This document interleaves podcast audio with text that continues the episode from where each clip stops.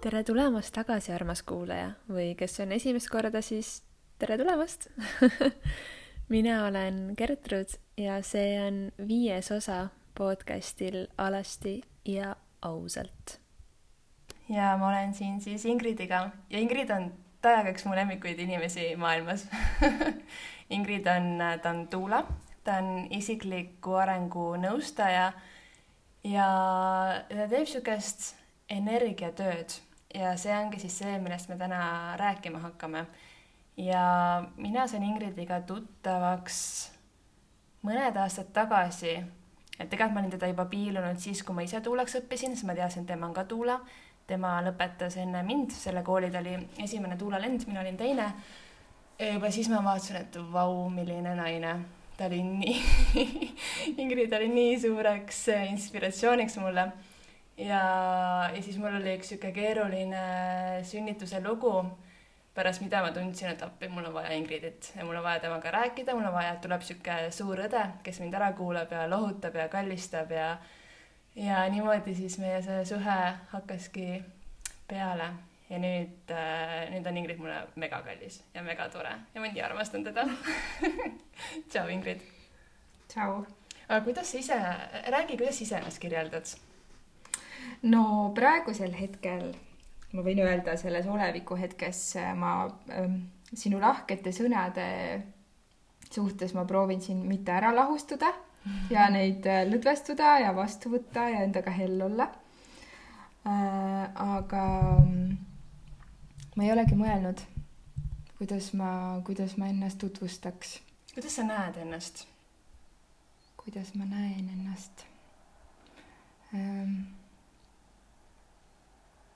Iseendana näen äh,.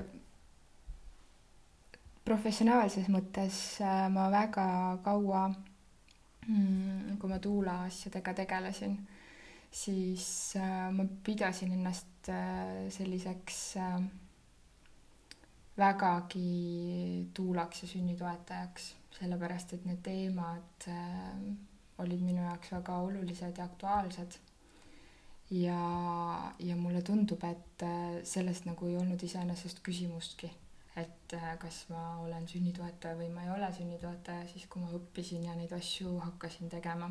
minu arust see on nii äh, nagu nii spetsiifiline elukutse, et kas sa tunned selle ära või mitte, et see ei ole väga niimoodi, et et noh, et proovin, proovin olla treener või proovin olla äh, koristaja, müüja, mitte et seal midagi halba oleks, aga see on, see on nii spetsiifiline, et kes tahab ikkagi olla sünnitava naise juures ja, ja kes mitte.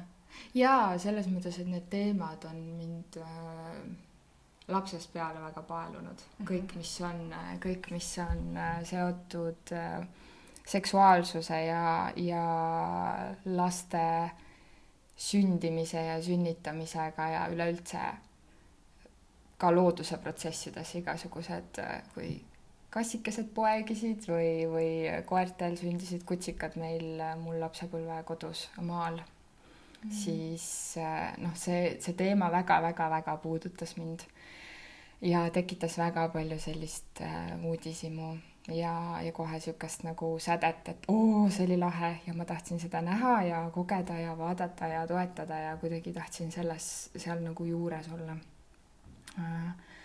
et, et mm, mingil hetkel äh, mulle on meelde tuletatud seda, et olid küll meil maal vanaema ja vanaisa juures sellised hetked, kus, äh, kus kass poegis ja mina lihtsalt noh, et kõik püüdsid nagu hästi chill'id olla, et üleüldse mitte tekitada mingit pinget ei kassis ega üldse iseendas.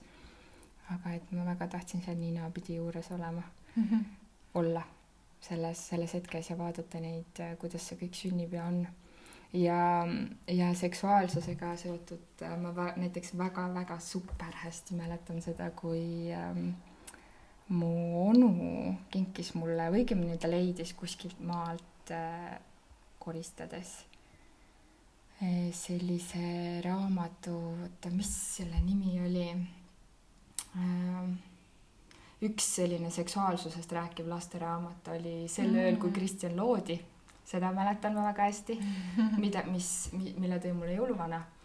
aga, aga siis see oli kas äh, Ulrike ja ta vend, mis iganes, Oliver mm. äkki või, või mis iganes selle venna nimi oli, avastavad seksuaalmaailma. see oli ka nagu sihuke põhiraamat, et ma, ma mäletan, et ma ei osanud veel lugeda.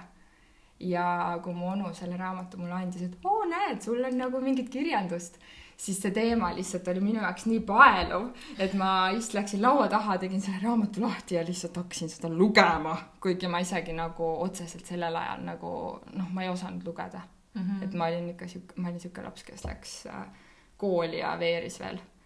et äh, et kõik sellised teemad olid ja siis täiskasvanud itsitasid seal kõrval, et mingi ahaa, näed, anna ikka õiget kirjandust, küll siis laps loeb. et, äh, et selliseid kogemusi on mis see nii huvitav, ma olen sulle öelnud ka, et minu meelest, või ma arvan, et sulle öelnud, äh, et minu meelest sa oled üks kõige seksuaalsemaid naisi, keda ma tean hmm.. mis on, äh, on nii lahe, see on nii värskendav, sest seda ei ole väga palju, see on kuidagi. mis sa mõtled sellega, selle seksuaalsuse all mm,? ma mõtlen selle all seda, et ma olen kuidagi alati näinud sind hästi enesekindla naisena.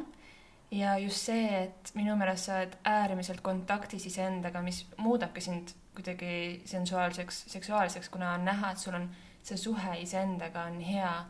Ja et sa tunned ennast enda kehas hästi. Ja kuidagi see kehakeel ja võib-olla seesama energia, millest me hakkame täna rääkima, et see kuidagi on sihuke, sihuke magus, sihuke mõnus et jah, sellisena peale kõige muu veel ma, ma sind näen aga ma saan aru, et praegu sa vaikselt oled nendelt äh, tuuleasjadelt liikunud rohkem siis energiatöö peale või on mul õigus?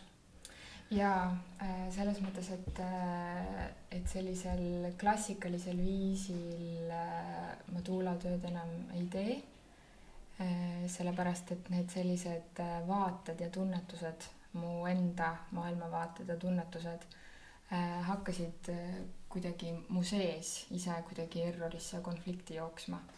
et, äh, et minust sellises äh, klassikalisel viisil sellises äh, teenimises ja sellis-, noh, niisuguses nagu äh, hoolitsevas perenaiselikus sellises võtmes äh, vot selline, selline sünnitoetaja ma nagu väga ei ole ja mm -hmm. ma arvan, et ma ei ole kunagi olnud ka ja sellepärast, et ma kuidagi tüübilt äh, olen kuidagi teistmoodi. ja, ja ma olen sellega väga palju pusinud iseenda sees.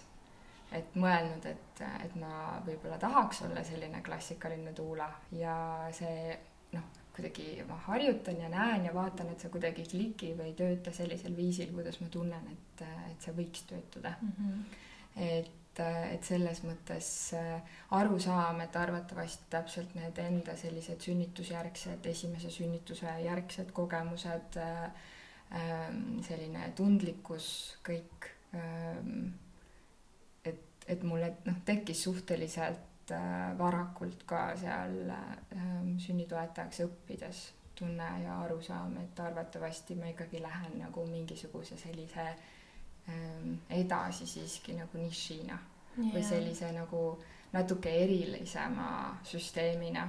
et, et selles mõttes, et kui minu käest küsitakse tuulade kohta ja sünnit-, sünnitoetajate kohta, siis äh, ma rõõmuga vastan ja seletan neid seda süsteemi lahti ja alati ütlen ka seda, et, et see, et mina tegelen selliste tunnetuslike ja energeetiliste asjadega ei tähenda, et kõik seda teeks, et mm -hmm. üldiselt et ei saa nagu sellise ühe mütsiga lüüa. minu arust see ongi niimoodi, et, et sa, mis sa enne ütlesid, et, et sihuke klassikaline tuula, et kes üldse on klassikaline tuula, tegelikult minu arust me kõik oleme väga erinevad. sest ma tunnen, et ma ise ei ole ka natuurilt sihuke pereema ja sihuke väga suur nunnutaja ja ja seda on ka mu kliendid tundnud, et üks mulle, üks mu klient just äh, hiljuti saatis mulle tagasiside mm, -hmm. kus ta ütleski, et, et ma olen siuke nagu mässumeelne ja ja nagu mingi torkisin talle mingeid kohti, aga nagu hästi positiivses mõttes, et kus ta vajas armastust mm, -hmm. seal ma seda pakkusin ja ma olin väga hell ja hooliv ja, ja oli väga nagu väga armastav aga samas, kui oli mingi bullshit, siis ma nägin selle nagu täiesti läbi mm -hmm. ja, ja ka noh, torkisin neid kohti mm. -hmm. et mulle endale meeldib ka töötada just siukses nagu teistsuguses võtmes, et mitte ainult see nunnutamine, vaid just see, et naine saaks oma selle potentsiaali üles leida, et kui võimas ta tegelikult võiks olla.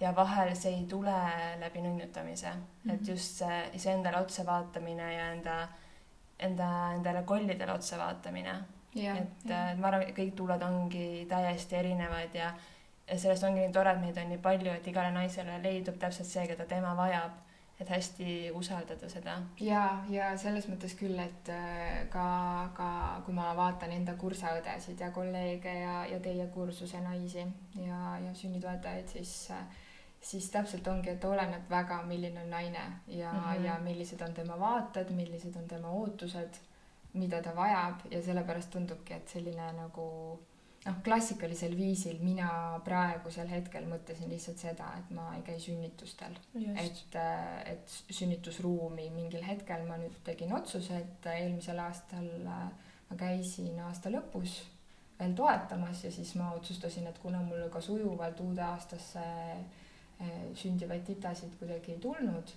siis ma leidsingi, et see on hea hetk, et nüüd on see hetk teha see pööre ja, ja ka avalikult see välja öelda Mm -hmm. et ta, ta protsessina oli alati selline, et ei tea, kas ma julgen ja kuidas need asjad lähevad ja et see tundub nagu selline nagu kuidagi uus lehekülg ja mm, -hmm. ja kuidagi noh, et kõik sellised äh, ebakindlused ja, ja, ja kõik sellised nagu ka hirmud ja süsteemide uuendused kõik tulevad nagu ülesse nagu noh, mingisuguse süsteemi nagu lahtilaskmine ja noh, selles mõttes, et see kõik oligi selline vajaski sellist õiget ajastust. ja ma just tahtsin ja... küsida, et kas oli hirmus ka, et see sihuke kannapöörde tegemine, sest enamasti me inimestena, me nii vajame just seda turvatunnet ja seda tuttavat tunnet ja rutiini, et, et midagi nagu ümber otsustada, et see on tihtipeale nii ebamugav. aga ma hästi usun seda, et muutus saabki tulla ainult ebamugavast kohast, et see ei pea alati läbi valu ja kannatuse tulema, et kindlasti mitte.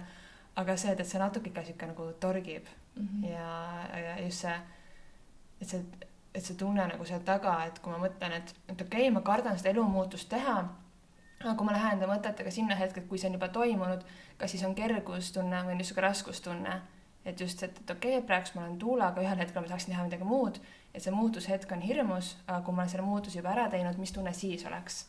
et minu arust see ütleb nagu hästi palju, et kas, kas tasub midagi teha või, või mitte ja ma ei mäleta, kes seda ütles uh,. keegi ütles hästi-hästi huvitavalt, et uh, et kui sa alustad uue asjaga ja kui sa oled selles kohe hästi hea, siis oleks võinud juba ammu sellega alustada. siis on kahtlane on ju. siis on kahtlane ja, et siis oleks võinud ammu juba seda teha, et sa oled tegelikult täiega aega raisanud. et see alguses ebamugavustunne, et see on tegelikult väga-väga hea.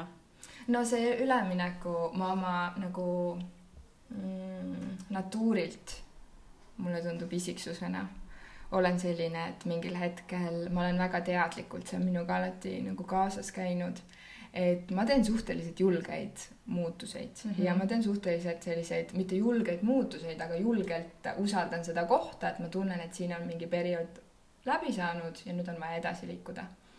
aga, aga selle üleminekuga sellise mm, tuulatöölt siis nende seansside juurde minek, äh, see oli ikkagi nagu pikem protsess ja ma teadsin, kuhu ma välja jõuan ta on ka väga sarnane sellele, kuidas, äh, milline oli mu kogemus äh, oma esimese lapsega. et mm. Äh, kui, kui ta sündis, siis pärast Augusti sündi ähm, mul tekkis äh, sünnitusjärgne depressioon ja väga sihuke ärritav ülitundlikkus ning äh, ja mingil hetkel ma heitlesin sellega ja ei saanud aru, mis minuga toimub, aga kui ma juba siis järje peale sain ja ma sain aru, et ahah, ma saan aru, et siin tulevad lihtsalt mul mingid programmilised nüansid ülesse ja ma pean nendest lihtsalt läbi minema, ma pean need lihtsalt järjest niimoodi lappad ja lihtsalt teed nad ära ja lähed edasi. siis äh, tegelikult suhteliselt kiiresti äh, tekkis mul teadmine, informatsioon selle kohta, kuhu ma sellega välja jõuan ja ma teadsin, et äh, noh, kiirtee või selline efektiivne ja tegelikult üks kergemaid viise on lihtsalt võtta need asjad ette, need programmid ja mustrid, mingid nutud ära nutta, mingid vihad ära vihastada ja siis lihtsalt edasi liikuda. mis need programmid ja mustrid, mis see tähendab mm.? Need on üldiselt, mida, mis minu vaatlused ja inimeste, inimestega töö ja iseendaga töö on näidanud, on see, et äh, inimesed elavad suhteliselt palju alateadlikes sellistes ähm, autopilootides ja mm -hmm. programmides. ehk siis, et on mingid reeglid, on mingid süsteemid, et nii on need asjad olnud ja niimoodi need asjad lähevad ja, ja vastandumise mustrid ja manipulatsioonimustrid ja, ja need üldiselt, need ei ole seotud, need on selle jaoks, mulle tundub, et need on osaliselt leiutatud selle jaoks, et oleks kergem. et äh, siis ei pea oma tunnetusega tegelema, siis ei pea oma peaga mõtlema, vaid et lihtsalt elu voolab ja sa lihtsalt teed mingeid asju ja saad, noh, see on umbes see, et sa lähed lasteaeda ja siis sa pärast seda lähed kooli ja siis sa pärast kooli lähed lähed kuskile tööle või lähed kuskile ülikooli edasi ja siis sa lähed pärast seda tööle ja siis, siis sa leiad endale mehe, siis sa abiellud ja siis sa saad lapsed ja siis sa tiksud ja käid tööl ja teed oma asju, et tulevad sellised erinevad, ema roll tuleb juurde ja siis hiljem tulevad igasugused mm,, tuleb vana, ema, vanaema roll juurde, et need on kõik sellised nagu rollilised kogemused. ja, ja me kõik, kõik oleme seotud nende mustrite ja programmidega. Ja need on seotud varasemate siis planeedi siis sihuke kõrgemate, laiemate manipulatsioonide ja loomingutega ja selliste äh, huvialadega, mis siis on olnud erinevatel tegelastel, igasugustel energeetilistel tegelastel aga, aga nüüd mulle just tundubki, et ka läbi selle, läbi sellise depressioonikriisi ja noh, ma olen üldi, üldiselt oma elus üldiselt sihuke, olen suht depressiivik olnud, tundlik ja selline äh, ka teismelisena, siis ähm, sellepärast ka see augusti, augustiga koos kasvamine sünnitusjärgne depressioon tegelikult ei olnud üllatust, on tegelikult täiesti loogiline, et ta nagu seal õigel ajal õiges kohas oli. aga mingil hetkel tekib see valmisolek et tekib see, et sa saad aru, et ahah, eh, nüüd ma enam ei viitsi. või tekib see, et sa saad aru, et ahah, tegelikult ma saaks ju põhimõtteliselt, ma peaks kuidagi saama ka valida seda, sellepärast et eh, ma mäletan, et eh, seda viisi, et kuidas see elu edasi läheb või kuidas ma elan või mis mulle meeldib, sellepärast et ma enda lapsepõlvest mäletan väga selliseid, selliseid hetki, et ma nagu jälgisin vaatleja pilguga väga palju täiskasvanuid ja, ja iseennast ja siis ma vaatasin, et mingitel hetkedel ma nagu suhtlen iseendana ja mingitel hetkedel ma nagu etendan mingeid rolle. ja see oli vahepeal mulle tüütu ja vahepeal see oli huvitav ja ma väga nautisin seda, näiteks et äh, ma võin tuua näite sellest, et äh, mu ema käis, äh, kui ma olin väike, käis väga palju tööl ja oli väga palju kodust ära, sellepärast et ta tegi äh, ta on arst ja tegi haiglas äh, pikki valveid, öövalveid ja, ja nagu ta töötas väga palju, siis äh, mingil hetkel mm, ma võtsin ema mm, parfüümi ja siis ma võtsin mingisuguse taskurätiku ja ma lasin ema parfüümi taskurätiku peale ja siis võtsin selle õhtul endale kaisu. ja see tundub nagu lihtsalt nii nunnu asi, mida teha ja mu ema, mu ema väga liigutas see ja ma tean, et võib-olla kui ma praegu temaga sellest räägiks, siis see ka väga liigutab teda. aga see on näide sellisest programmilisest tegemisest.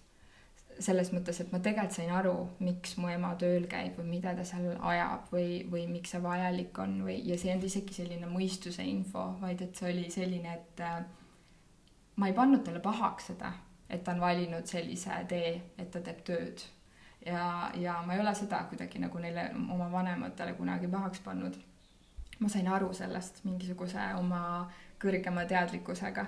Ja siis samal ajal ma ka tegin selliseid asju, mis on sellised mustrilised asjad, et ma tegin seda selle jaoks, et arvatavasti ta kuidagi ema mustris, ta vajutas mu ema, emale nupule ja ma kujutan ette, et kui su laps midagi sellist teeb ja sa ise ema oled, siis see võib niikuinii, kui on lapse juurest raske tööle minna ja neid pikki tööpäevi teha, siis see veel vajutas nuppu.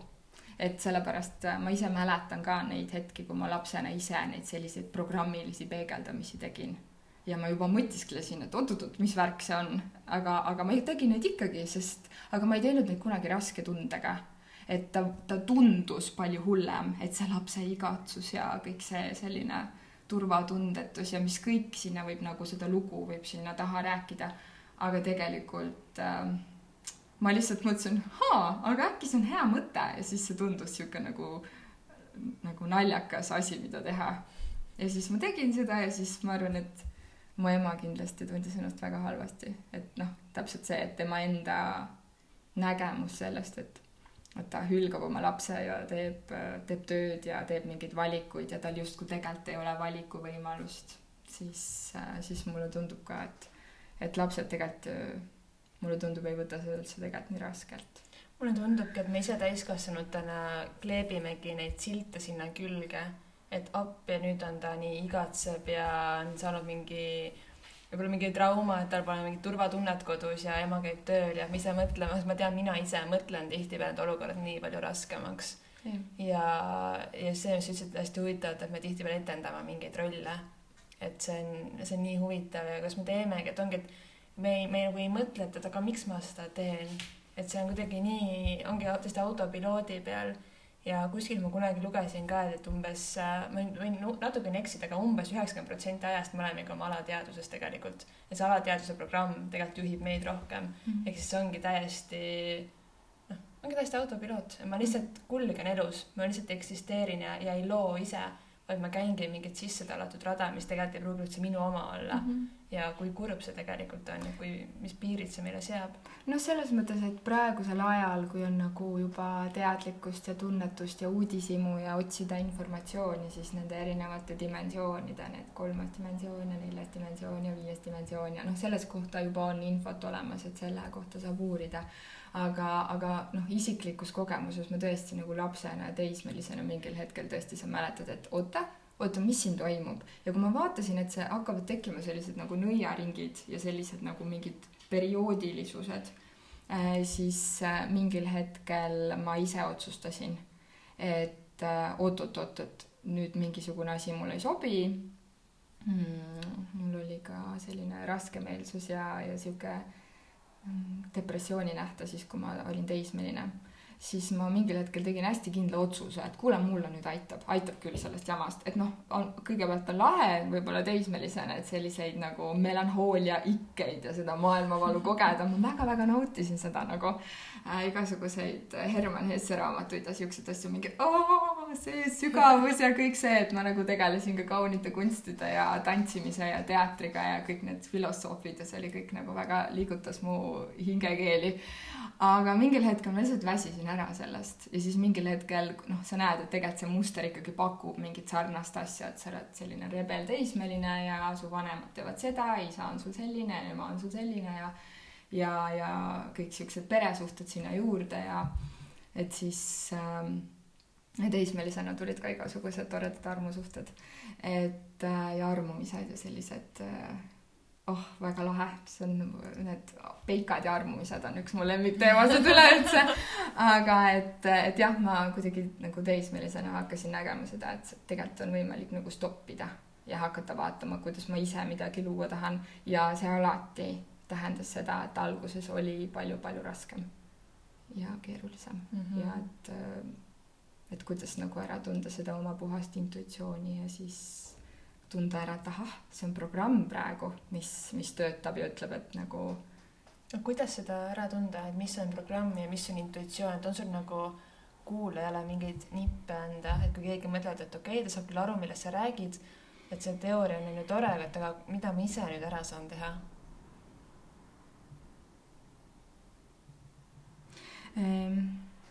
Mina vist äh aga mäletan, ma mõtisklen, kuidas mingi tunnetusena, kuidas mina seda kogesin. et äh, ma hakkasin ära tundma seda, et äh, ma enda olemuses kuidagi olen selline mm, kerge olemisega ja, ja hea, heasoovlik elu suhtes, heasoovlik inimeste suhtes, heasoovlik ja kui ma hakkasin mingisuguseid, äh, mulle pähe tulid mingid mõtted ja soovid kellelegi kuidagi halvasti öelda või kellelegi haiget teha või, või kuidagi enda suhtes. kui ma mõtlesin endast halvasti ja, ja oma mingite kollide ja asjadega nagu olen diilinud, siis äh, ta on vist tulnud ikkagi kogemusena, et sa saad aru, et äh, et puhta olemuse pealt ma ei mõtle nii või ma ei käitu nii, et ainult haavat-, haavatud koha pealt saab inimene kuidagi halba soovida kellelegi teisele või, või, või ähm, pahandada või laste peale kisada või et selles mõttes, et äh, ja ta on selline, nagu mulle tundub, et see on niisugune protsess, eriti veel praegusel ajal, üleüldse selles mõttes, et praegusel ajal elavate in inimeste jaoks. et äh, ongi pigem selline just täpselt selle nüansi ära tunnetamine. Ja see vajab lihtsalt alguses harjutamist. Ja alguses seda, et sa korraks tuled endasse kohale ja maandad ennast ja korraks laiendad südametasandit ja siis vaatad, et nagu mis värk mul sellega on, et mis pusa siin on, et kas see on mingi enda hingehaav seal kuskil all või, või, või selline, et kust see mingi vihakoht tuleb või, või, või siis on lihtsalt nagu ema, ema rollis nagu sellised klassikalised nüansid, et emad lihtsalt väsinud. et noh, lihtsalt kuidagi kogu aeg on olnud ka, see tuleb ju ka selle rolliteadvuse pealt et äh, no sa kõigepealt sa kannad seda titat ja küpsetad kõhustada ja siis sa sünnitad ja siis sa hoolitsed ta eest ja aga et äh, kes need emad seal taga on ja kuidas nemad asju näevad ja kuidas, kuidas emana üldse mm -hmm. tahta tegutseda ja olla, et milline sa inimesena oled ja milline sa emana siis oled, et mulle mhm. tundub, et selline klassikaline varasem niisugune ema roll, kes äh, Koobia küpsetab ja on selline, noh, seal on ka erinevad sellised ema, emaduse rollid ju, siuksed rongaemad ja kanaemad ja igasugused siuksed emad. Et need nagu lagunevad praegu nagu väga mm -hmm. aktiivselt. kusjuures ma praegu sellega hästi samastusin, et just, et mis on siis see manipulatsioon, niisugune roll või nagu mitte puhas ja mis asi on see, just see intuitsioon, mis ma ise olen, et just minu enda ema roll et ma, ma tohutult armastan oma last, ma üritan hästi teadlikult kõike teha, aga ma ei ole kunagi mõistnud seda enese ohverdamist, jah, ma olen seda kunagi teinud, muidu mul ei oleks ka depressiooni on ju olnud, kui ma ei oleks ennast äh, ära unustanud, aga just nüüd, kui ta mind kutsub või kui ta mult midagi vajab, siis see ei ole see, et ma alati nagu kohe jooksen ja ma jätan enda elu täiesti elamata ja kohe lähen päästan teda ja ma nagu hästi lasen tal ise areneda, ise kasvada ja, ja toetan teda, kus on vaja.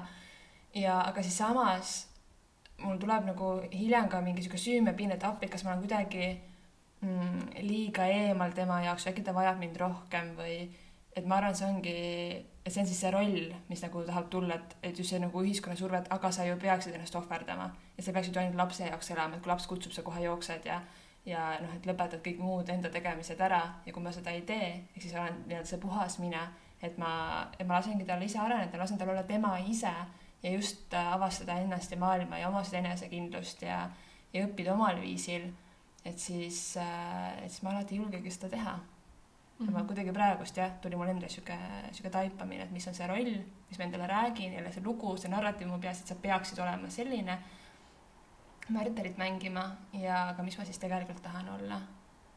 et väga-väga äge mm. raha taipamine. kusjuures äh kusjuures ma mõtlen, et mina ise olen olnud ikkagi selline ema alguses, et ähm, äh, mul oli kuidagi väga kindel teadmine, et kui ma Augustit ootama jäin, siis tema tulek oli mulle enne teada ja, ja see, et mingil hetkel ma ikkagi jään rasedaks ja minu soov, et saada noorena lapsi, oli olemas ja kõik, ta klikkis hästi kokku et noh, tollel hetkel see kindlasti oli üllatus, sest tolleks hetkeks ma olin nagu ära unustanud kõik oma need mingid mõtted ja taotlused. et, et siis see oli ikkagi ootamatu, aga, aga mm, sellepärast, et mina olin veel tudeng ja, ja Augusti isa oli tudeng ja me ei olnud üldse nagu nii kauagi veel koos olnud. aga mm, minu jaoks oligi üllatus see, et ema rollis üleüldse, kuidas, milline on rasedus. rasedus mulle täiega meeldis, sellepärast et ma tahtsin teada, mis tunne on rase olla ja kuidas see, kuidas see nagu kulgeb ja kuidas keha muutub ja kuidas need tunnetused muutuvad. aga mis mind üllatas, oli sünnitus. sellepärast, et mul olid sünnituse kohta oma tundlikkuses äh, ja sellises kerguses ja võib-olla äh, nagu peensagedustes äh, teistsuguse, teistsugune informatsioon, et milline sünnitus on. ja, ja see hetk siis, kui see sünnitus toimus, siis see oli midagi hoopis muud. et äh, seda ja noh, ma olen seda ka va-, vaadelnud ja näinud, et, et sünnitusprotsess kui selline lihtsalt tekitab äh, väga palju šokki lihtsalt, et sellepärast, et sa kuidagi vaatad, et oo, vau, vau, mis asi see on või miks või mis asja. et see, sellepärast ma võin öelda, et noh, esmane sünnitus, äh, ma väga palju olin valmis iseennast usaldama ja, ja oma tunnetuse pealt asju tegema. ja ma tegin ka selles mõttes, et tegelikult see ei olnud midagi väga hullu äh, sünnitusena. aga, aga see noh, ta toimis kuidagi niimoodi, et ma ei olnud tegelikult selleks suuruseks tegelikult kuidagi üldse valmis. siis ta oli väga raske. Ja, ja ka selline emaks kasvamine äh, kuidagi tuli ähm,, esiteks see, see sünnitus kuidagi tõmbas mul nagu vaiba alt ära. Ja, ja edasi enda tunnetuse pealt minna oli väga raske, sellepärast et ka sünnitusprotsessi olin ma näinud, läinud niimoodi, et ma olin väga läinud teadmisega, et ma usaldan oma sisetunnet.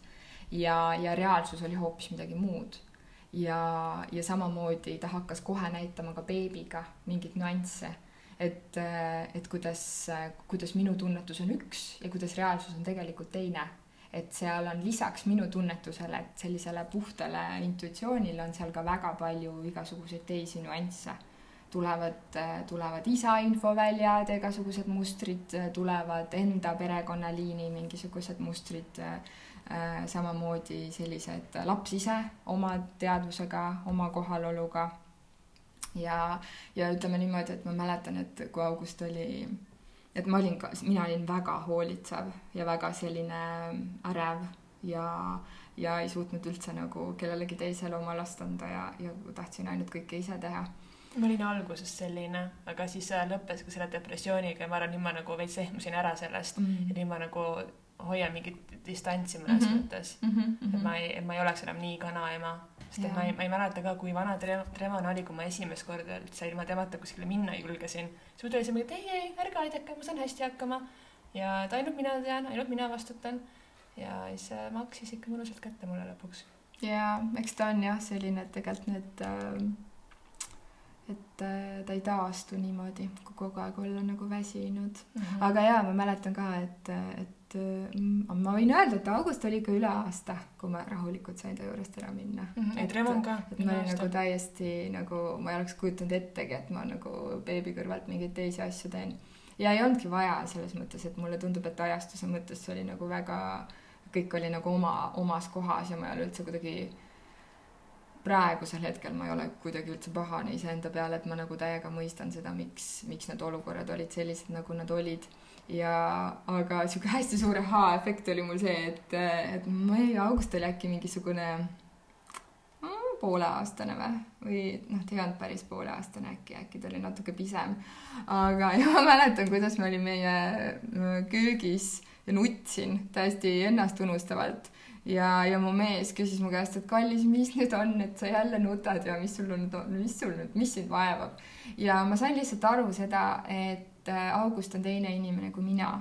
Mm.. et ta ei ole mina, ma ei saa oma mustrite pealt äh, teda kuidagi üldse toetada, teda hoida, teda armastada, sest ta ei ole mina, ta on teine inimene, äh, ta on mees. Tal on, tal on mingisugused sellised energeetilised päritolud ja mustriliinid lähevad ka mu mehe suguvõssa, mis, mida ma loomulikult pelgasin tollel ajal. ja sellepärast loomulikult ma pelgasin, et äh, mu mees on sellisest äh, suurest perest pärit ja seal on palju mehi ja seal on struktuurid teistmoodi kui minu päritolu perekonnas. ja, ja ma mäletan, et ma olin lihtsalt täiesti nagu lagunesin laiali sellest infost, et ma sain aru, et ma nagu noh, mul oli nagu nii hea idee, kuidas selle beebiga hakkama saada ja kuidas ema olla ja see lihtsalt läks kõik upakile, sellepärast et ta on täiesti iseseisev inimene just täpselt, et äh, tal on omad mingisugused sellised oskused ja vaated ja tunnetused ja minu oma hirmude pealt ei saa teda mitte kuidagi toetada. Yeah.. ja see tekitas sellise suure ruumi, kus oli hästi palju siukseid võimalikkuseid, aga väga, noh, see oli ka väga nagu e-, ebakindel ja ebaturvaline koht, kus olla emana aga kuidas sa üldse selleni jõudnud oled, et kõik, mis sa praegust räägid, et see kõik on, ma saan aru, et läheb hästi teadlik ja läbi tunnetuse ja aga, aga see niimoodi, et siis, et sa sündisid ja kohe oskasid seda kõike või sa niimoodi, ärkasid üles ja järsku oli mingi vau, energiamaailm, ei, nii see küll ei olnud või no selles mõttes, et ma mõnikord mõtlen, et jah, on siukseid mehi olemas, kes on nagu mingi, aa tead, ma mingi ärkasin üles ja siis kõik maailm oli teistsugune mm. -hmm. et äh, mulle tundub, et ma olen vist ikkagi jah, selles mõttes küll, et ma sündisin ja tundlik olen ma alati olnud mm. -hmm.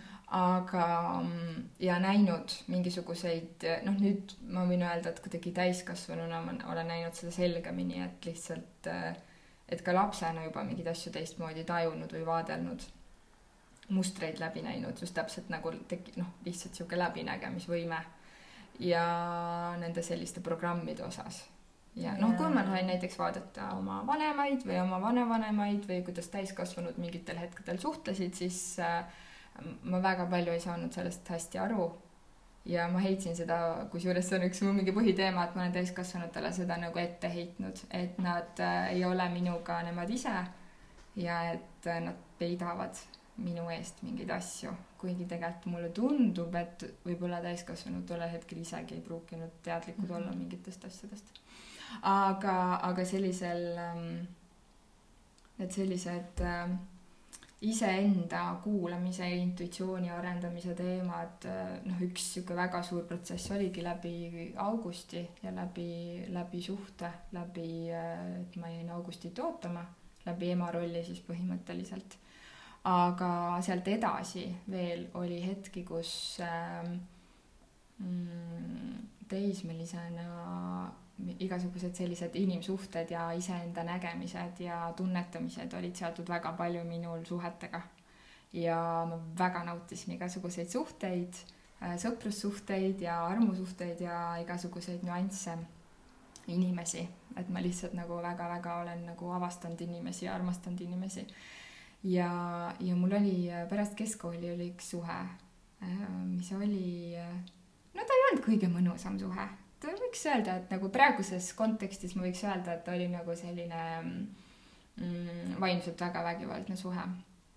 aga äh, ja kui ma sellest suhtest siis põhimõtteliselt välja tulin, see oli väga kindel selline nagu otsus mu elus, sellepärast et pärast seda suhet ma mõtlesingi, et kas nüüd on äh, kas ma nüüd lähen ja ma ei tea, tapan ennast ära või siis mul on teine võimalus ka, et ma lihtsalt hakkan äh, enda eest hoolitsema ennast armastama. ja see oli juulikuu, see oli niisugune suur paks äh, suvi.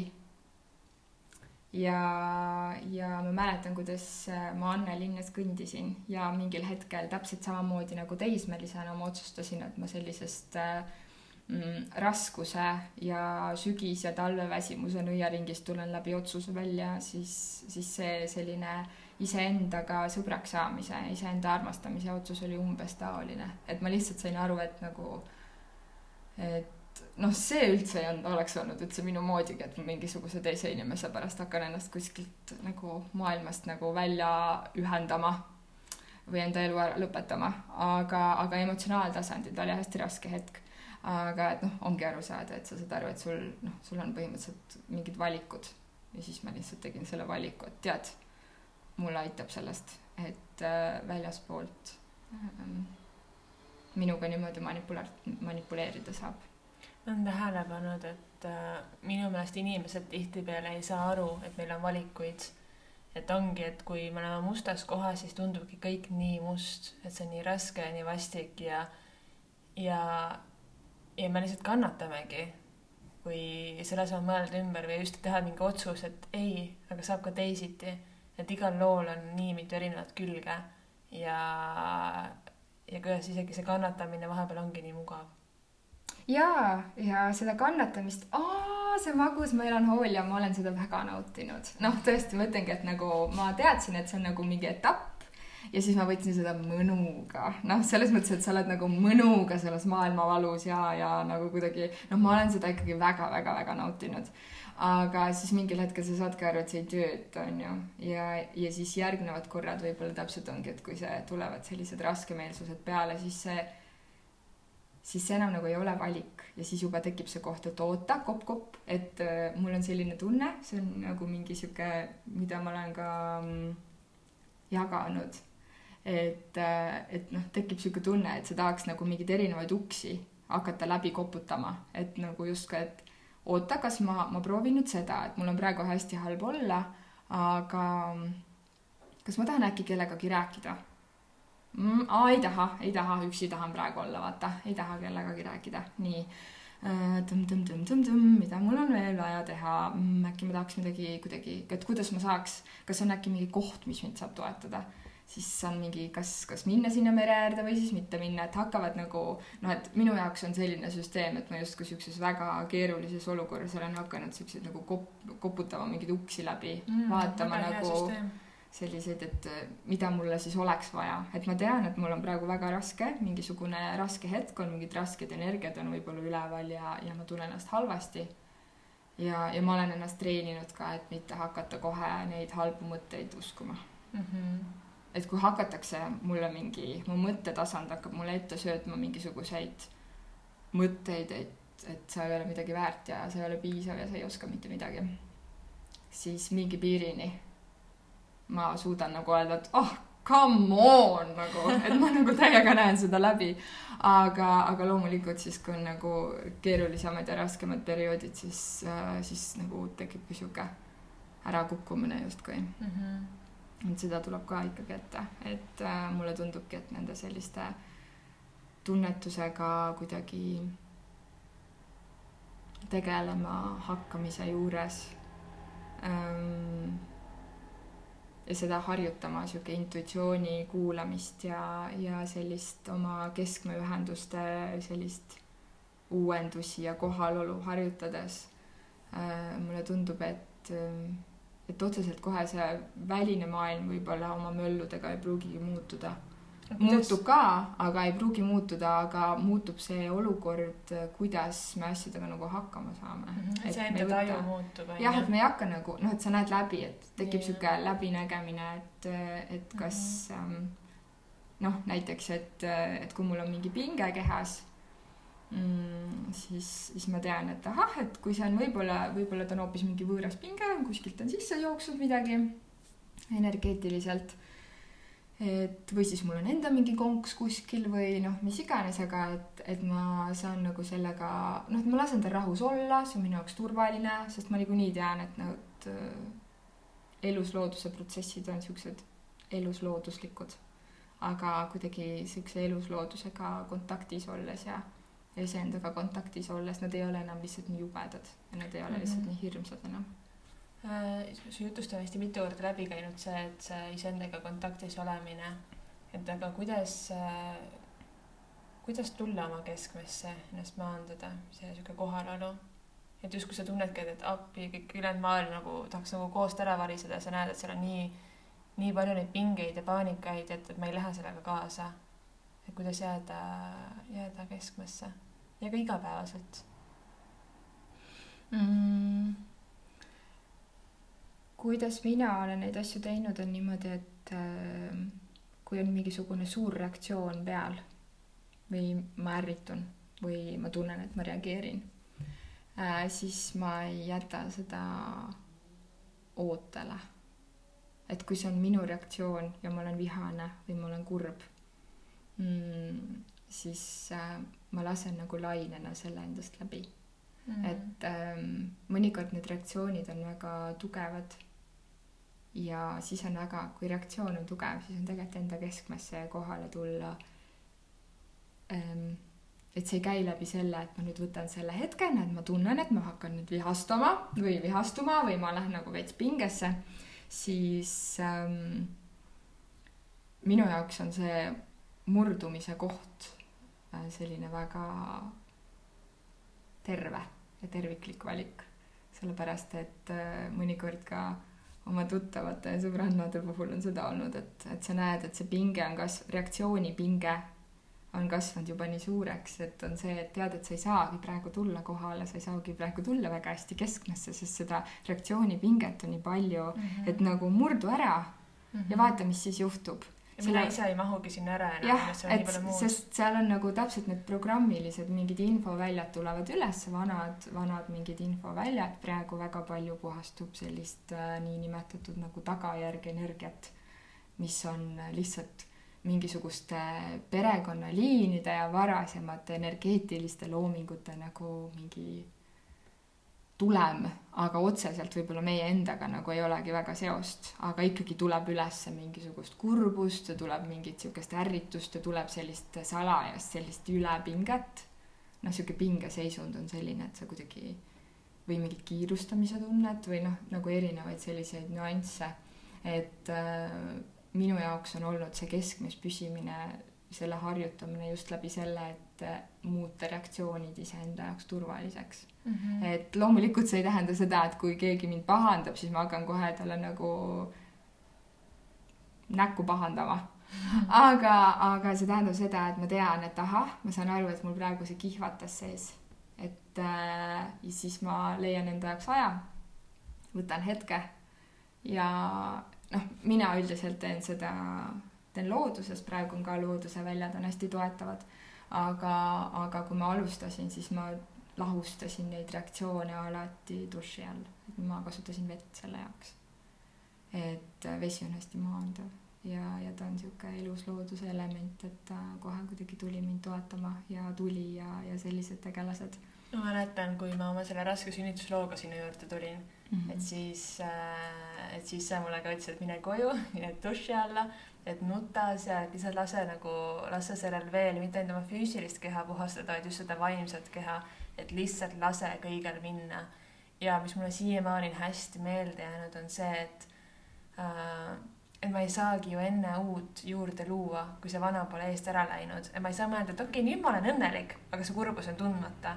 et enne ma pean selle vana eest ära tunnetama või lahti laskma, mis iganes, ma pean tekitama ruumi ja kui see tühi ruum on loodud, alles siis ma saan sinna midagi uut asemele luua, et mida ma siis päriselt praegust vajan. et seda mul see, see vesi väga aitas ja noh, samamoodi on ju küünal või, või lihtsalt looduses olemine mm., need siuksed elusväljad jah, no ongi, saab käia rabas jalutamas või mere ääres või metsas või mis iganes see enda selline, Tartus on jõgi väga mõnus mm. -hmm. et ma olen Tartust pärit, sellepärast see kohe nagu klikkis, et see jõgi, et äh, et jõgi on kuidagi ka oluline olnud. aga just täpselt see, see ruumi tegemine ja siis, mida rohkem saab neid selliseid ähm, programme või selliseid neid äh, raskeid välju ja neid tagajärge, energiaid justkui enda infoväljast ära puhastada, siis tõesti palju lihtsam on tulla endasse kohale.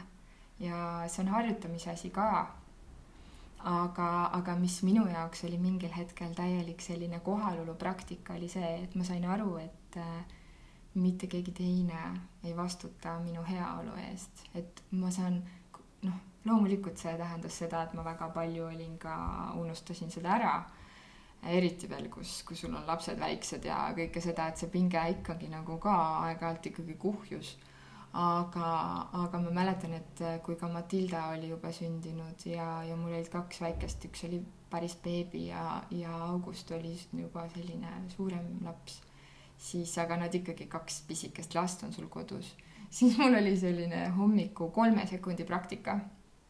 et ma olen väga ka armastanud igasuguseid tee joomisi ja, ja kohvi joomisi ja Eh, lõdvestusi duši all ja siukseid asju, mida nagu ühe lapsega saab vabalt teha, aga kui sul on juba kaks last, siis see juba läheb selliseks keerulisemaks äh, asjatamiseks ja võib-olla pingelisemaks, et kui sa mõtled, et ah, see üks laps äkki magab ja siis tegelikult ta ei maga ja siis tegelikult siis nagu kuidas neid saada samal ajal magama, noh, et tulevad sellised mm -hmm. nagu kolm muutujat on nagu keerulisem kui kaks muutujat. et siis ähm, ma mäletan, et see kolme sekundi praktika oli selline, et sellel hetkel kui ma hommikul olen äh, kohvi teinud endale, siis see tähendab seda, et mul oli ka üks kindel piim, üks kindel taimne piim, millega ma kohvi jõin mm,. ja mul pidi seda alati kodus olema, sest see oli mingisugune minu turvaelement ja, ja mm, see oli Alpro sinine sojapiim, ma võin öelda ta on siuke magus, tal on natuke vaniljemaltsit juures ja ma saan aru, et tegelikult nagu seda väga ei soovitata, sest seal on igasugused lisaained ja asjad, aga ma lihtsalt armastasin seda. ja oli see hetk, kus oli need esimesed kolm lonksu saad aru, et sa võtad enda mm. kuumast kohvist esimesed kolm lonksu ja see on põhimõtteliselt nagu mingisugune, ma ei tea, kolm sekundit ka aga lihtsalt see oli see hetk, kus kõik seisis ja ma ütlesin nagu stopp, praegu on see minu aeg ja nagu ma nüüd võtan need kolm lonksu. ja, ja ta lõpuks kuidagi um, sellest kolmest sekundist mul piisas, sest ma sain need esimesed kolm lonksu võtta või siis ühe lonksu. aga see, noh, see oli see kolm sekundit, on ju, et sa tuled korraks, kõik, kõik seisab ja sa lihtsalt tuled iseendasse kohale ja mõtled, et ah, selles maailmas, kus sihuke kohv olemas on, nagu see ei saa, see ei saa olla nagu lootusetu olukord nagu, et, et, et see oli täiesti sihuke nagu igapäevane praktika aga, ja siis loomulikult, kui oli aega pool tundi seda kohvi juua, see oli ka fantastiline.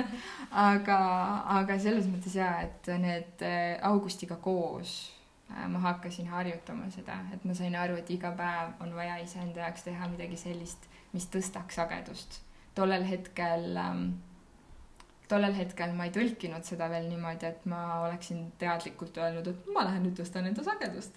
aga ma teadsin, et ma pean iga päev tegema midagi sellist, et mul oleks hea, et mul tekiks tunne selle heaolutundega ja sellega, et tead, see on kõik seda väärt. et ma tean, et praegu on keeruline, et mul on nagu võib-olla mustmiljon asja, mida ma tegema peaks nii füüsilises maailmas kui võib-olla mingi energeetilises teemades ka oma pusadega tegelema peaks, aga et, äh, et need sellised, et üks ei välista teist. mulle nii meeldib, kuidas. hakkavad täiendama üksteist. just, ja mulle nii meeldib, kuidas need äh, et need praktikad on nii lihtsad, et tihtipeale, kui me räägime enesearmastusest või eneseväärtustamisest siis naistel tekib kohe sihuke mõte, et appi, see tähendab, ma pean endale kuldehteid ostma või Pariisi minema või spaasse minema, et kust ma võtan selle aja, selle raha, et me, me mõtleme selle nii keeruliseks, et mis see, mis see nüüd tähendab, pean endale uue, ma ei tea, paari tuhande eurose käekoti ostma või et aga see ei ole ju niimoodi. või siis et... L'Oreali tooteid ostma it's Maybelline no it's you. aga, aga jah, et just need, need, see võib olla midagi nii lihtsat ja nagu mul ongi seesama see mingi kaneelirull ma söön selle ära, ma olen nii õnnelik, et need ei pea olema midagi nii keerulist. ja, ja just, et see järjepidevus, et iga päev midagi väikest teha, et mitte, et pigem just teha seda ennetustööd, kui lasta selle minna lumepallina niimoodi hästi suureks ja suureks veereda, kus lõpuks ongi, ongi see depressioon, aa, kust ma siia küll sain. või siis mm. on lihtsalt kodus mingisugune megadraama, kus tegelikult emadel lendab katus pealt ära ja siis ähm, mehed on niimoodi what, kust see tuli, kõik oli ju korras, et nagu noh, et ei ole nagu, ei saagi nagu täpselt aru, sest hetk tagasi justkui oligi kõik korras. just. aga. sa, sa ütlesid, et, äh, et teed enda enda pusade lahendamist energeetilises maailmas, mis see, mis see tähendab või, või kuidas sa üldse töötad, et praegu, kui sa teed naistega või, või ka on ju, sa töötad ju meestega ka vahetevahel või kuidas sul on? või on ainult naised praegu sinu juurde sattunud? Praegusel hetkel ähm, kuna laiendused on tulnud rasedate pealt, siis on enamused mm -hmm. kliendid siiski naised olnud mm, -hmm. aga on olnud ka kokkupuuteid noorte meestega mm -hmm. selles mõttes, et äh, aga mi mitte võib-olla sellises klassikalises seansi mõttes mm, -hmm. aga pigem sellises vabamas vormis, selles mõttes vabamas vormis, et ma saan ju kohvile minna ja siis juttu rääkida. et ähm,, et äh, nagu need minu minu seansid äh, näevad välja sellised, et äh, ma, meil on põhimõtteliselt selline pooleteisttunnine või kahetunnine umbes sihuke telefonikõne ehk siis Skype'i kõne. Ja isegi ilma videota. Ehk siis lihtsalt ongi nagu telefoniühendus. Ja sellepärast, et mõnikord need sellised ähm, mustrid ja protsessid on väga sellised äh, trikid, et äh, kui me oleme kohal ja me vaatame üksteisele silma ja oleme samas ruumis, siis äh, tulevad needsamad äh, enesekaitsesüsteemid peale. et see noh, see on mingisugune selline vorm, mille mina olen iseenda jaoks leidnud selles süsteemis, et et inimesel on turvaline ja mõnus, et sa saad klapid panna pähe, oma, sina oled enda kodus, mina olen enda kodus, sul on klapid peas ja, ja saad võtta enda jaoks selle privaatse ruumi ja ma ei tea, võta, võta ligi salfakat, kui on vaja. aga et, et tegelikult noh, ma tean, et on selliseid inimesi, kes lihtsalt on nagu mingi, mulle ei meeldi teiste ees nutta või et mulle ei meeldi nagu noh, mulle ei meeldi sihuke kontakt. et mulle ei meeldi mingi teraapiavärgid ja, ja sellised asjad. Aga et ta annab selle ruumi lihtsalt, et ma olen põhimõtteliselt häälena lihtsalt kaasas. ja, ja ta noh, vormiliselt on jah, põhimõtteliselt selline pikk telefonikõne. aga, aga laiemas plaanis on see selline mm, Äh, info väljatõlkimine justkui, et äh, alati on ähm, mm, meie seanssides on alati nagu mingi teema, millega me läheme sisse või et mis on see küsimus või mingi teema, mida on vaja lahendada või leida mingit uut perspektiivi või võib-olla on mingisugused sellised mm, mingid mured, mida on lihtsalt vaja puhastada. ja, ja siis ma lihtsalt äh, küsin, kuidas läheb ja hakkan küsimusi küsima ja, ja põhimõtteliselt äh, inimeste kõrgem osa, kõrgem, kõrgem olemus hakkab mulle näitama informatsiooni. ja, ja need protsessid on sellised, et äh, ma näen mustreid, mis töötavad, mingisuguseid äh, väga tugevad mingisugused perekonnaliinid, kui kuskil töötavad, mis mõjutavad ja, ja ma ähm, tihti teen tööd ka rasedatega kui on vaja nagu mingit laiemat infot saada kätte mingite protsesside pärast, võib-olla tervendamise jaoks, mingite varamat, varasemate kogemuste tervendamise jaoks. Ja, ja ma saan üldiselt noh, iga inimesega on see nüansiliselt natuke erinev, et ma vaatan, kuidas see koostöö käima hakkab. aga üldiselt on niimoodi, et äh, ma mõistuse jaoks kogu infot tõlgin, et mis toimub ja ma toon mingisugused need pehmelt äh, toon need sellised äh, rasked mustrid ülesse. aga ma hoian ruumi niimoodi, et see, see reaktsioon ei oleks võib-olla nii tugev, kui ta võib-olla iseenesest on. ja, ja siis puhastan ja tasakaalustan ja noh, või õigemini ma nagu toetan seda puhastust ja tasakaalustamist, sellepärast et, et ma nagu ei ole ka selline nagu selgeltnägija et ma saaks kohe nagu mingi eluinfo kohe kätte, vaid et mis on seotud selle küsimusega, kuidas ta lahti rullub, kuidas mingid nüansid on seotud ja võib-olla ma küsin mingeid lisaküsimusi. Ja et see on selline koostöö. kas sul hakkavad nagu mingid pildid silme ees jooksma või sul tuleb mingi teadmine, mingi heli kõrvus äh,? mul on äh, läbi tunnetuse jooksevad pildid et ta ei ole selline klassikaline viis, et nagu on mingisugused tegelased, kes näevad, et oo, ma näen su aura välja ja siukseid asju, et nad näevad nagu oma füüsilise silmaga mm. -hmm. siis äh, minul on see silm kuskil mujal selles mõttes, et äh, mulle, ma saan nagu mm, infot kätte läbi pea ja südame tasandi ja, ja ka see ruum selles mõttes, et ta nagu vormiliselt on nagu selline täiesti justkui tavaline telefonikõne justkui, aga, aga ruu-, energeetiliselt äh, ma teen seda ruumi alati ette, kus, millises sageduses äh,, millise elusväljalise toega me neid seansse teeme, et see on selline läbi südametasandi on selline ruum, mille ma loon ette, et me tegelikult äh, äh, toimetame väga sellises äh, hoitud turvatunde ruumis. äkki sa räägid täpsemalt, äh, kes ei tea, et mis asi see sagedus on?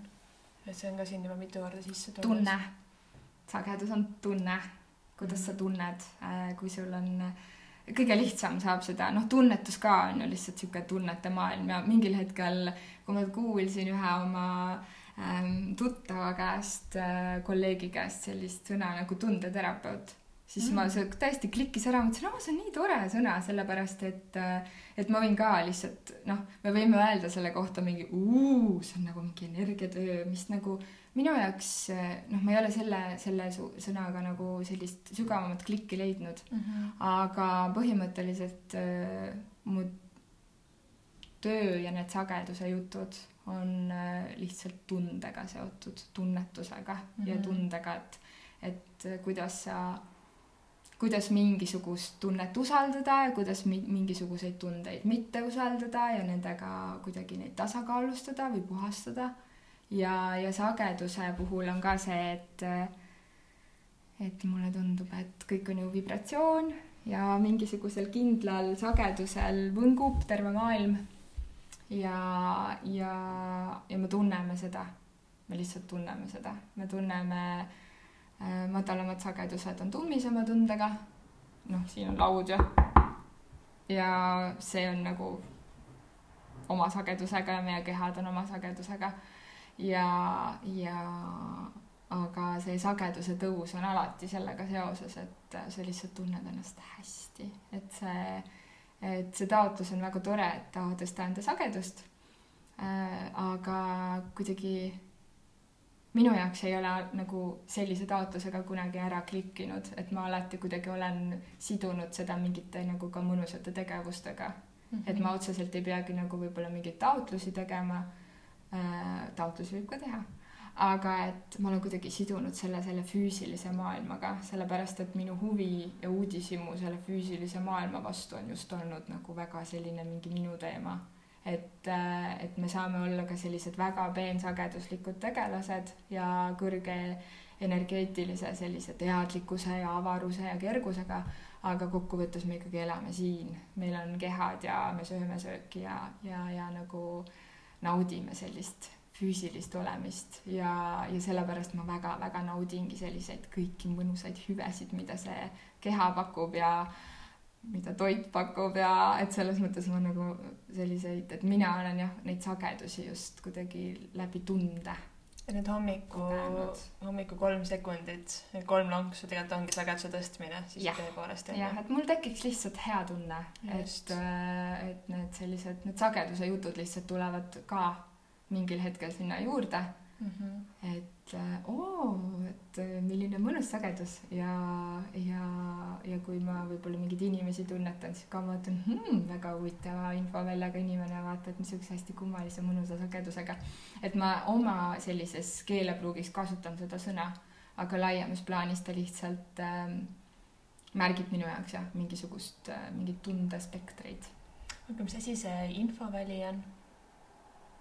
infoväli on minu jaoks ähm, selline inimese infoväli siis, mida sa on ju mõtled praegu mhm. sellega mm, -hmm. et on niisugune üldenergeetika, et milline ta infoväli on lisaks sellele, milline on ta keha, aga et sinna tulevad juurde ka siis sellised need alateadvuse programmid ja kõrgema olemuse info, mis võib-olla inimesel võib-olla ei olegi ära teadvustatud veel mm. -hmm või siis äh, mida ma olen näinud ja kogenud, et äh, mõnikord on niimoodi, et äh, need sisemised pinged tekivad ka sellest, et mm, vanad need mustrilised programmid justkui vajavad puhastust ja lahtilaskmist lihtsalt, mitte sellist, et mingi hullult on vaja siis teraapiat teha, aga lihtsalt nagu seda, et nagu, et inimene annab enda jaoks loa, et need nagu puhastuksid. ja mõnikord on vaja need nutud ära nutta ja teha siukseid asju ka aga väga palju saab ka lihtsalt anda niimoodi, et ta lihtsalt puhastub ja mu infoväli tasakaalustub. ja, ja mõnikord on näha seda, et kui, kui need mustrid kuidagi pingestuvad juba, siis väga tihti on ka uus, uue, uus informatsioon või uued sellised valikud, uued võimalused, uued nägemused, uued perspektiivid juba ka infoväljas inimesel just juba olemas et ta lihtsalt äh, kus nagu ootab seda aega, et lihtsalt ära puhastuda ja siis ise tegelikult inimene, inimene on nagu, inimesed on minu jaoks sellised elus looduse osa ja väga siuksed ise funktsioneerivad oma olemises ja, ja sellises kontaktides, ühendustes siis. et äh, nad klikivad kohe, et uus siis saab kohe alla tulla ja, ja uued ühendused justkui luua kuidas seda teadlikult teha ise, et kui mõelda, et okei okay,, ma tunnen, et mulle enam ei meeldi see muster, mida ma teen, näiteks see ohvrimeelsus mm -hmm. ja, ja ma tahaksin selle asemel kergust. et kuidas ma seda siis muuta saan? kusjuures äh, ohvrivärk on mul lemmar, sellepärast et nagu mina olen ka mingi põhiohver, kõik on nagu mingi äh, mulle liiga teinud ja elu ära mul rikkunud ja kõik on täiesti valesti ja maailm on vale ja kõik on nii pahasti ja siis mina olen see väike vaene ohver. Ta on väga hell koht see ohvri koht on ka nagu väga hell koht, sellepärast et seda endale tunnistada on nagu ka väga keeruline mm. -hmm. ja ma mäletan, kuidas äh, mingil hetkel äh, mu mees ütleb mulle, kuule, kallis, sa teed praegu seda ohvri asja, vaata. siis ma olen mingi, ei tee, ma ei tee seda praegu, kuigi ma täiega teen. ja, ja siis ongi täpselt see, et kui keegi sellel hetkel sulle seda ütleb, siis sa saad aru, et mingi mm, seda on küll praegu raske vastu võtta mm.. et, äh, et need kohad vaata nagu väga ka näitavad ära ja, ja eks need ohvrikohad on alati ähm, mm, mulle tundub, et need ongi sellise nagu fookuse või oma jõu ja otsuste tegemise vabaduse nagu iseendast välja paigutamine mm. -hmm. et ähm, ja endasse siis mõnes mõttes nagu mitte uskumine. et äh, need on, see ohvrimuster mulle tundub, et on selline nagu, see on väga selline baasmuster. ta on, ta on ka mingisugune mäng, mida on mängitud ja mingid rollid ja et kes siis ründab ja kes on ohver ja noh, need on sellised äh, vastandumise mängud. et äh, mulle tundub, et ohvrimuster on selline nii paras baasmuster, et et äh, seda saab tasakaalustada ainult äh, pehmuse ja helluse ja samm-sammulise teadvustamisega. et, äh, et mõned, mõned siuksed väiksed asjad nagu on siuksed, et kliks, ma teen otsuse, see muutub ära ja kohe kõik on okei okay,, onju. aga sellised baasmustrid, mis on nagu olemusega seotud, et noh, on sellised justkui siuksed mingid tüüpi inimesed, kes on rohkem võib-olla Äh, oma kurbust elavad välja läbi vihasageduste ja siis on need, kes on väga haledad ja solvuvad ja siis nutavad rohkem ja on rohkem siuksed ohvritüüpi onju. et, äh, et selles mõttes, et need on nagu mingid nii baasdünaamikad, et nendega saab tegelema hakata minu jaoks vist niimoodi hästi samm-sammuliselt, sest äh, see pehmus nende mustrite muutumisel on minu jaoks, mulle tundub, et see on väga oluline sest äh, need on väga sellised mm, baasolemusega seotud. aga kui baasolemus nagu tšah ära muuta mm, -hmm. siis ähm, see tekitab väga-väga suurt segadust kriis iseendas et kes ma ilma selleta üldse olengi, kui see on nii suur osa ja, minust. ja, ja selles mõttes, et ähm, ma mäletan, et noh, ta võibki üles tuua sellist suurt äh, leina, et äh, mingi perioodi, kui mina teadlikult ka enda ohvri ja nende mustritega selle nagu tegelesin teadlikumalt. August läks siis lasteaeda, ta oli siis äkki kolmene. Äh, ja, ja see lasteaiasüsteem vajutas mulle nuppudele ja see harjumine ja oli minu jaoks selline väljakutseterohke, siis äh, ma olingi täiesti, noh, tulevadki, tulidki siuksed hood peale, et, et sa saad aru, et, et laguneb ära. et mul on sihuke tunne, et maailm saab otsa, et ta lõpebki praegu otsa ja ma saan aru, et see ei ole ratsionaalne, aga see tunne on nii selline, et sa tahaks nagu kümne küünega kinni hoida, et see, see on hästi tavaline selliste baasmustri muutuste juures. et sellepärast mulle tundubki, et see selline hellus ja selline teadlikkus nendega tegelemisel rahulik selline vaatlemine on võib-olla mõnikord isegi efektiivsem kui sihuke tšah-tšah-tšah, teeme kohe ära, suured muutused. et, et teadvustasandile ja mõistuse tasandile on tegelikult sellist samm-sammulist lähenemist vaja. ja, ja kui, ja ikkagi mulle tundub, et, et need sellised teadvustamised ähm, ja puhastamised ja muutused tulevad sellised, et mingi osa sa teed ära siis natuke aega läheb edasi, siis võib-olla tuleb mingi uus kiht lahti mm -hmm. ja siis sa mhm. saad jälle sellega tegeleda. et, et see samm-sammuline lähenemine ikkagi nagu, no ta on lihtsalt pehme ja ta laseb nagu elu elada. et sul on nagu mõnus ka, et sa tead, et sa tegeled sellega ja seal täpselt samamoodi läbi nende kohalolu praktikate ja, ja iseenda tunnetuste laiendamise ja, ja sellised, et katsetad, katsetada tasub. Sellepärast, et ma olen aru saanud, et äh, tunnetuslikud teemad on seotud väga palju sellega, et kuidas, äh, kuidas inimeste jaoks need süsteemid tööle lähevad. et see on selline individuaalne värk, et äh, minu jaoks sobib vesi, sinu jaoks võib-olla sobib ka vesi aga ma ei ütle, et see on universaalne nipp, sellepärast et on väga palju inimesi, kelle jaoks ei sobi vesi mm. -hmm. Nad tahavad minna metsa ja teha mingeid enda asju või siis teha mingeid kolmandaid asju või mis iganes, et neid tööriistu on nagu väga palju erinevaid ju.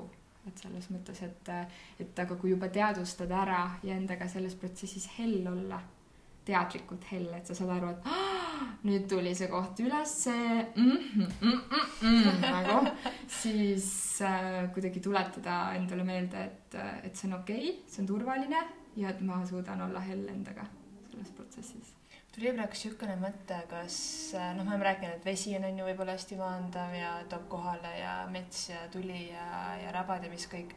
aga kas, kas seks on ka enda olemuselt selline?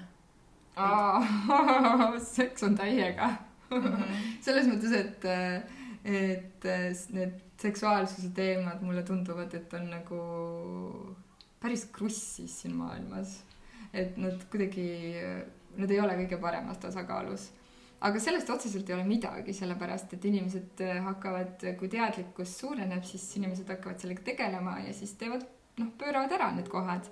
ja, ja mulle tundub, et ka selle kevadega on väga palju just nimelt mingit uut infot äh, ja uusi perspektiive tulnud äh, kuidagi läbi seksuaalsuse ja, ja loomulikult on ka igasugused vanad õpetused äh,. mina ei ole nendega väga hästi kursis.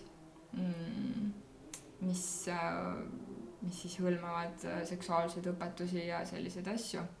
Äh, mina lihtsalt olen selline uudishimulik praktik olnud, et, et vaadanud ja katsetanud ja läbi läinud nendest kohtadest, kus mulle tundub, et, et ma ei vaja seda. aga seksuaalsus on loomeenergia, et siin maailmas me, on see seksuaalsus, et on siuksed nagu nimed antud ja, ja on seotud äh, selliste erootiliste poosidega ja, ja sellise mm, tunnetustega, kooskõla tunnetustega, kuidas sensuaalsus, seksuaalsus, kõik siuksed teemad, seksikus. aga, aga mulle tundub, et äh, need äh,, et see hakkab veel muutuma, sellepärast et see ongi selline hästi puhas loomeenergia, seksuaalenergia. mis su partner sellest arvab? kui sa niimoodi katsetad ja üldse kõik see, et, et kuule, ma siin su infoväljast vaatasin, et see on äh, pigem olnud selline, et äh, ma olen äh, teinud näiteks taotlusi, ma olen nagu, kui ma olen nagu tundnud ennast kehvasti mingites erinevates, mingites argielu olemustes ja mul ei ole näiteks niimoodi, et, et mul oleks nagu mingi siis seks kohe meeles ma olen mingi jaa, okei okay., ma umbes, et kui mul on siin palju asju ajada, siis mul ei pruugi see mingisugune läheduse koht väga meelde tulla. ja aga, aga samas ähm, kui sellega tegeleda ja olla lähedane, siis äh,, siis see on jällegi nagu mõnus ja maandav. et äh, et selles mõttes, et ma olen äh, oma mehele nagu teada andnud, et kui ma nagu kuskile toimetustesse näiteks ära kaon Äh, või siis mul pole selline populatsiooniaeg, kus, äh, kus ma olen nagu mm, uudishimulikum ja avatum igasuguste asjade suhtes ja flirtivam ja mängulisem ja füüsilisem, siis, äh, siis ta saab alati mulle nagu meelde tuletada seda. sellepärast, et, et kui võtta aega iseenda jaoks ja ennast, endal lubada füüsilisel kujul erinevaid naudinguid ligi erinevates vormides. ta on nagu natuke, ta on natuke hirmus ka, sest ta tekitab siukse vaba langemise tunde, et sa muutud, noh, läheb nagu veits siukseks loomaks ära. et äh, aga läbi selle üldse selline seks-, seksuaalsuse selline energeetiline või kõrgem selline avastamine üldse minu jaoks nagu algas. Et äh, noh, klassikalisel viisil lihtsalt füüsiliselt on nagu ka tore, aga, aga ta nagu, ta ei ole nagu nii tore ta on, ta, ta võib veel palju mõnusam olla või palju, palju, palju lahedam olla. see kontakt kahe inimese vahel. aga naised, kes äh, ei ole üldse kontaktis oma seksuaalsusega, ma olen märganud, et äh, siukseid naisi tunduvalt isegi on rohkem kui neid, kes on sellega kontaktis, kuna see on ühiskonna poolt nii sihuke tabuteema ja, ja sellest ei räägita väga. et siis, et mida saaks teha, et, et endas seda seksuaalsust vastu võtta, sellest aru saada, seda kasvatada, näha selle ilu, mitte seda räpasust hmm,. see tuletas mulle meelde, et ma hiljuti just vaatasin äh, niimoodi pisteliselt Seks ja linna äh, läbi jälle nagu hooaegade. Ja need alg-, alguse hooajad on selles äh, seriaalis täiesti, et noh, et, et Seks ja linn oli ka selline nagu äh, naiste selline äh, vabad valikud ja võimalused ja, ja igasugused need teemad koos ja mood ja kõik need mehed ja see naiste maailm ja siis, kui ma praegu vaatasin seda, siis ma olin mingi, oh jesus, nad on nagu mingid beebid, et nagu nad tegelevad nende nagu noh, et selles mõttes, et vaatad, et ahah, et ongi, et see on nagu mingi aeg tagasi. Et ei, et ei kujutaks ette enam, et äh, kuidagi läbi selliste perspektiivide seda vaatleks nagu elulises mõttes, et noh mm, -hmm. nagu niimoodi mm, ilukirjanduses ja kuskil filmis, siis see tundubki, et mingi oh, kuule nagu, et need on nagu mingid nii vanad teemad, millega te seal tegelete, et nagu, et see on nagu huvitav. aga, aga mulle tundub, et ähm, need enda seksuaalsuse avastamised ja kohaletulekud ähm,, nad vajavadki ähm, haavatavust ja turvatunnet, et on okei okay olla haavatav ja vastandumise seisukohast võib ka, on vaja võib-olla mõnikord teha ära lahustada selliseid ähm, mingisuguseid selliseid vihamustreid või, või selliseid, et äh, sest noh, seksuaalsuse häkete kaudu on tunda selline põhimõtteliselt äh, pooluste vaheline võimuvõitlus, et justkui mees ja naispool ja ja sellest tulenevalt ka äh, mulle tundub, et ka sünnitusprotsessid on tegelikult keerulised. ja et, et äh, emakas ja, ja sellises loovuskeskuses on väga palju infot. ja, ja täpselt samamoodi see on selline nii baasolemuse osa ja, ja, ja loomingut äh, vaba tahte loomingut on saadud äh, tegelikult väga vähe kasutada.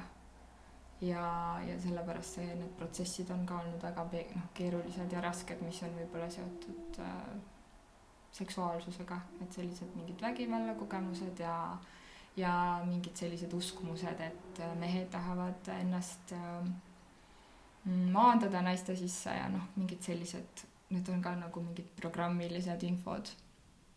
Et üldiselt see inimene, kes on sinu puhas inimene, kes on su mees ja keda sa armastad, siis äh, mehed üldiselt tahavad armastada, nad tahavad naisele rõõmu ja naudinguid pakkuda ja, ja siis mehed äh, kuidagi on teises kohas, nad on mängulisemad. Ja, ja ma ei ütle üldse, et see on nagu, et mehed on sellised ja naised on sellised, aga, aga ta on väga palju seotud, need suured sellised stoppamised ja plokid on seotud nagu vastuvõtmise ja just naudingute vastuvõtmistega, ehk siis me jõuame jälle selle mingi kolme sekundi praktika juurde, et kui, kui hakata harjutama lihtsalt seda hellust enda suhtes ja, ja mm, heaolu endale lubamist, siis mingil hetkel äh, saab ka nendest kohtadest läbi minna, et sa saad aru, et ei taha, ma ei taha seksida, ma ei taha seksida ja siis mingil hetkel mees on mingi, aga äkki me ikkagi võiks, et äh, vaatame, mis seal juhtub. ja seal võib häid asju juhtuda mm. -hmm. kui lihtsalt äh, lõdvestuda ja endasse kohale tulla ja lubada endale mm -hmm. seda hetkeloomingut, panna nagu need mõistuse sellised struktuurid ja mõtted kinni, hinnangud ja et see on ka nagu väga haavatav koht ju meeste jaoks selles mõttes täpselt samamoodi nagu naiste jaoks. et võib-olla küll meeste puhul natuke teistsuguses võtmes. aga, aga läbi selle nende naiste siis tõrjumiste või, või ei ütlemiste, noh, ma olengi aru saanud, et see tekitab sellise väga baas, sellise tõrjutuse tunde, et kas, et mehed omakorda võivad kogeda seda, et kas nad üleüldse maailma on vastu võetud, kui nende naine neile ei ütleb mm,. Vau, päris hea, hea mõte. et selles mõttes jah, see on sihuke, igasugused need mõtisklused on minu jaoks väga sellises äh, alguses, mulle tundub ma tunnen, et ma tegelikult üldse nagu, ma ei tea, kas ma olen üldse pädev nendest, neid jagama üldse. et äh, selles mõttes jah. ei no ikka oled, see ongi ju sinu tunnetus praegu, et kui sa viie aasta pärast esiti arvad, siis ei tähenda, et see praegu vale oleks. absoluutselt jaa. et sa lihtsalt oled praegu siin kohas. aitäh sulle. jaa aga, aga kuidas, mis sa näed, kuhu sa selle kõigega jõuda tahad? Oma tööga ja mm -hmm. nägemuste ja asjadega mõtled, jah hmm.? Hmm.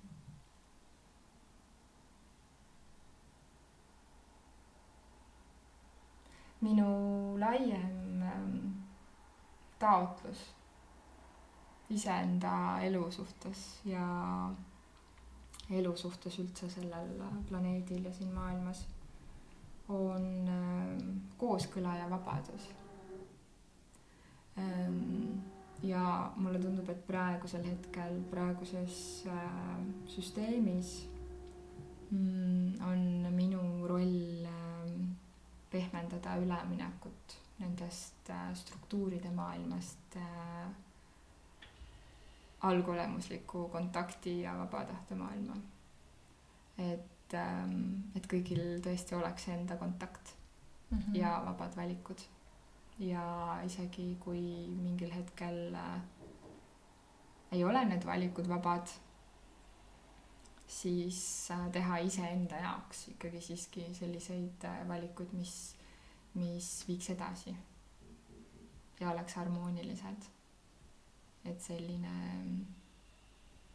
et see lõhestumine ei oleks nii terav selliste erinevate eraldatuse tunne justkui, et need lõhed, mis tekivad, ma ei tea, meeste-naiste vahel ja mingite naiste ja naiste vahel ja meeste ja meeste vahel ja et sest ma ei tea, keegi on selline ja mina olen selline ja sest üldiselt noh, me oleme küll väga erinevad selline inimkogemuses, siin on väga erinevaid tegelasi oma vaadete ja uskumuste ja, ja selliste nägemuste ja loogikatega aga mm, see on okei okay, selles mõttes, see ei ole meil, meile kahjustav või see ei ole kuidagi ebaturvaline.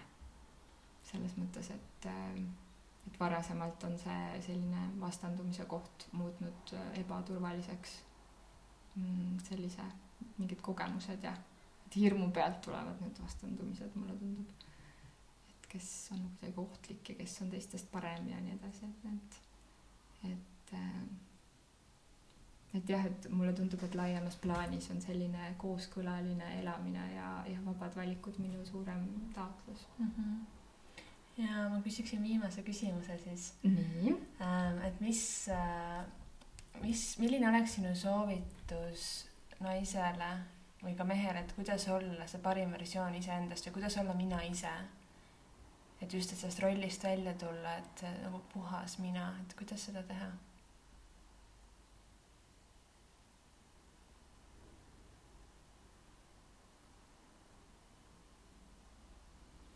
mm.? läbi lõdvestumise, läbi kohalolu, läbi vastutamise ja iseenda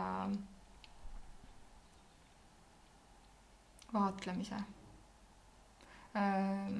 Need on kõik sellised nagu mingid suhteliselt sellised nagu mingid filosoofilised teemad, mida me võikski siin lihtsalt nagu vist niimoodi heietama jääda aga ma usun väga-väga sellesse, sellesse samasse sellisesse kolme sekundi praktikasse, et kui inimesed iseenda vastu head on ja teadlikult enda vastu head on, siis ähm, selle jaoks ei ole vaja nagu mingisuguseid äh, meditatsioonimaratone või siis toortoitlust või mingisuguseid selliseid spirituaalseid asju, vaid et lihtsalt see ausus iseenda suhtes ja lõdvestus. ja mõnikord see on keeruline, ma tean, aga lõdvestus on sellepärast väga hea nipp, et kui on keeruline, siis äh, pinges olles on väga keeruline lahustada ja puhastada oma ka sellist infovälja, et selle jaoks see lõdvestus on see esmane, esmane selline nipp, et sa tuled endasse kohale, hingad ja lihtsalt korraks lõdvestud ja siis tunned, kuidas mingi elu lihtsalt läheb omasoodu. väga ilus soovitus jah, aitäh mul on äh, nii hea meel, et sa minuga vestlema tulid ja enda nii lahedat maailmavaadet äh, jagasid ja neid isiklikke lugusid. see oli väga, väga värskendav ja mulle tohutult meeldis ja ma olen jumala kindel, et siit saavad erinevad inimesed väga palju erinevaid asju iseenda jaoks. aga kust nad sind leida saavad hmm.? Äh, mul on Facebookis endanimeline tuulaleht Ingrid Õun Tuula Äh, kus mind saab leida mm. -hmm. ja, ja sealt saabki mm. -hmm väga tore, ma panen selle kirja ka show notes idesse. ja, ja seal on, seal on ka meiliaadress olemas ja mulle saab kirjutada sinnasamma postkasti mm. -hmm. ja, ja saab meilile ja saab mulle helistada ka. Et seal on ka mu äh, telefoninumber olemas mm. -hmm. et äh, jah, see on täitsa sihuke avalik info, seal vahepeal on liikumist rohkem ja vahepeal on vähem, aga, aga sealt saab jah vaadata lugusid ja, ja lugeda mingeid teemasid mm -hmm okei okay,, aga aitäh sulle ja aitäh kõigile kuulajatele. Ja kui sa tunned, et see sulle meeldis, siis sa võid jagada seda mõne inimesega, kellele sa arvad, et see võib ka väga palju Äh, võib-olla ka mingit kergust ja toredaid mõtteid tuua. ja sa saad alati vajutada subscribe nuppu, et saada uutest osadest äh, informatsiooni. ja järgmise korrani, tšau. tšau, aitäh